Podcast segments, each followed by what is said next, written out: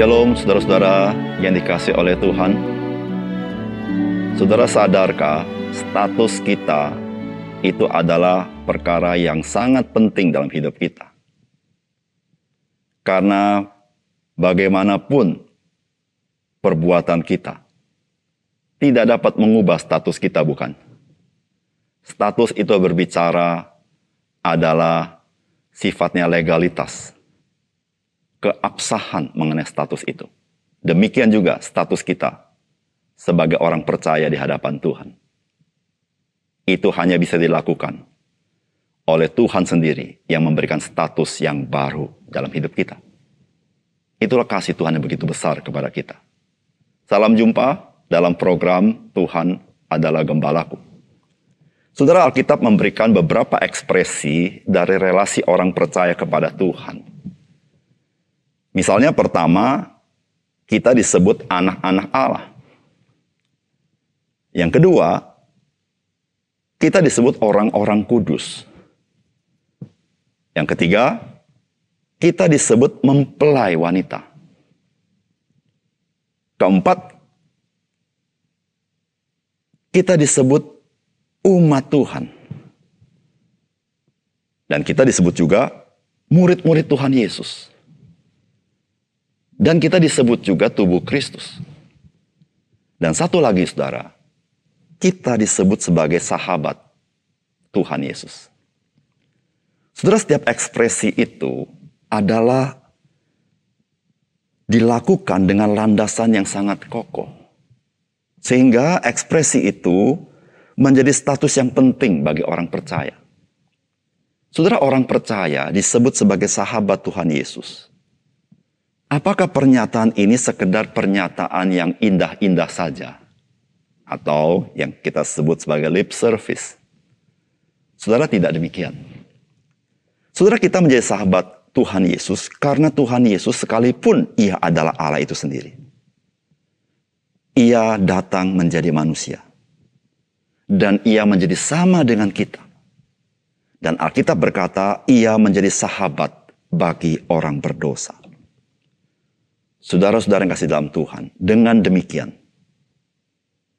dia menjadikan dirinya sahabat dengan kita.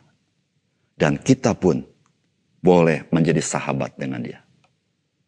Saudara jangan lupa, akar kata dari bahasa Yunani, kata sahabat, yaitu kasih, yang disebut dengan filio. Saudara, ketika Tuhan berkata, kamulah sahabatku, dan kita menjadi sahabat Tuhan, itu adalah relasi kasih antara Tuhan dengan kita dan kita dengan Tuhan. Saudara, mari kita membaca firman Tuhan dari Yohanes pasal 15 ayat 13 sampai 17. Tidak ada kasih yang lebih besar daripada kasih seorang yang memberikan nyawanya untuk sahabat-sahabatnya. Kamu adalah sahabatku, jikalau kamu berbuat apa yang kuperintahkan kepadamu. Aku tidak menyebut kamu lagi hamba, sebab hamba tidak tahu apa yang diperbuat oleh tuannya. Tetapi aku menyebut kamu sahabat, karena aku telah memberitahukan kepada kamu segala sesuatu yang telah kudengar dari Bapakku.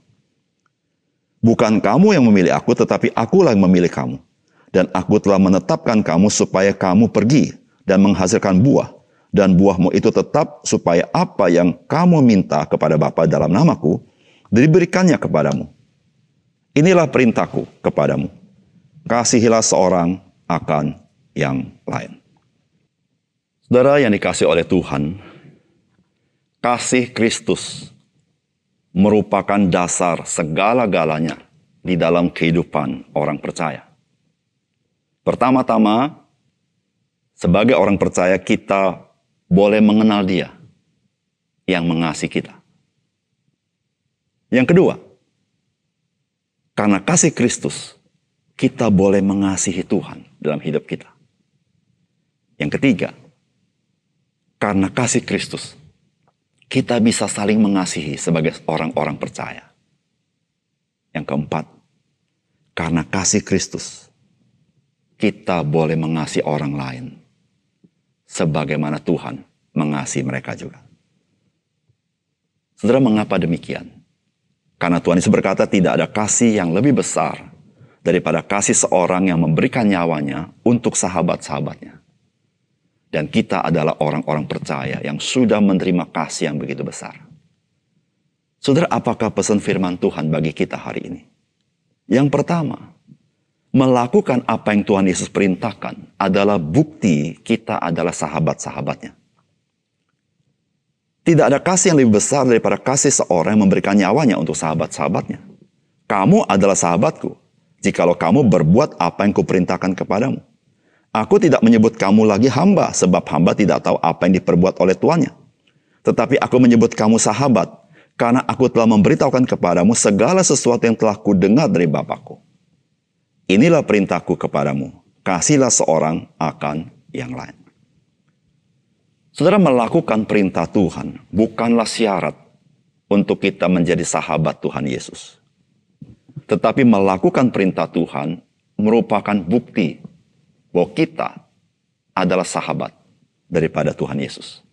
Mengapa demikian? Saudara, karena kita sudah menerima kasih Kristus yang begitu besar, yaitu kasih dengan mengorbankan nyawanya bagi kita sekalian. Sehingga dengan kasih yang seperti itulah membuat kita sanggup mengasihi dia. Membuat kita menjadi sahabat Yesus Kristus. Saudara di situlah saudara-saudara, kita boleh menjadi orang-orang yang saling mengasihi satu sama lain karena kita adalah sahabat-sahabat Tuhan Yesus. Dan kita melakukannya bukan karena terpaksa. Kita melakukannya bukan karena keharusan.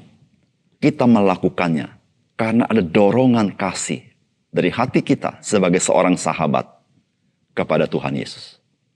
Saudara seorang sahabat, dia menaruh kasih setiap waktu. Itulah sahabat saudara. Saudara, ketika kita mengalami kasih Tuhan, maka kita menjadi sahabat Yesus Kristus. Dan ketika kita menjadi sahabat Yesus Kristus, itu nyata. Waktu kita melakukan apa yang Tuhan mau.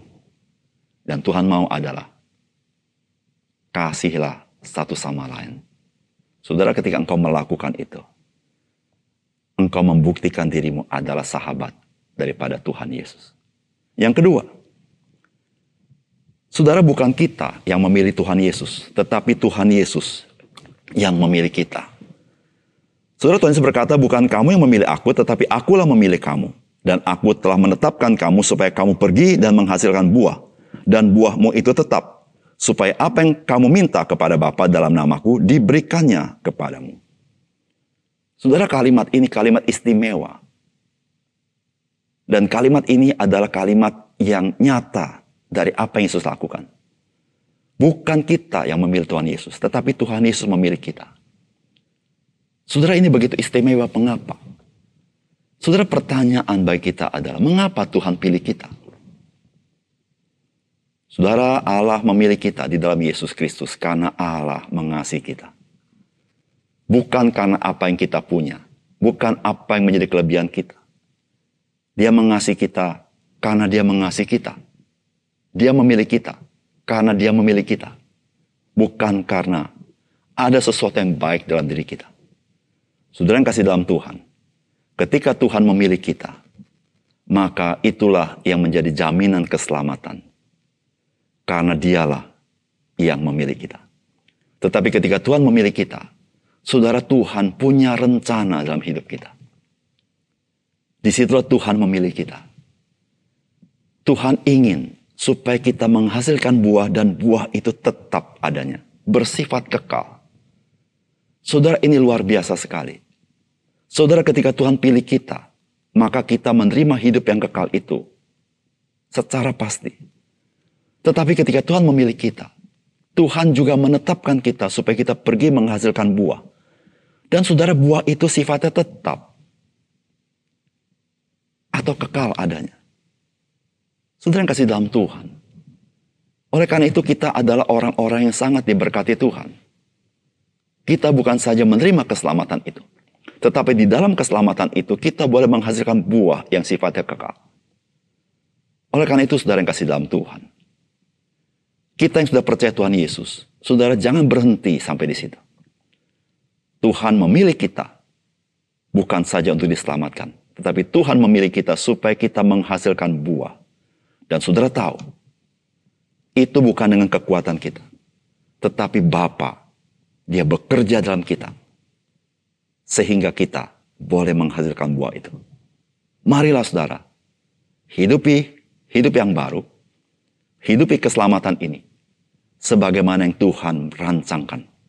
Dan engkau akan melihat betapa berharganya hidup yang baru yang Tuhan berikan kepada kita. Mari kita berdoa. Bapak surga terima kasih untuk kebenaran firman Tuhan. Biar engkau tolong kami supaya kami lebih menghayati sebagai sahabat daripada Tuhan Yesus. Bagaimana kami boleh mendapatkan kehormatan menjadi sahabat Tuhan Yesus dan bagaimanakah kami harus menghidupi sebagai sahabat Tuhan Yesus. Ya Tuhan tolong kami. Sehingga kami boleh menyenangkan hati Tuhan. Bahkan ya Tuhan kami bersyukur. Karena Tuhan bukan saja menyelamatkan kami. Tapi Tuhan punya rencana supaya kami pergi dan menghasilkan buah yang kekal sifatnya. Tuhan supaya hidup kami bermakna.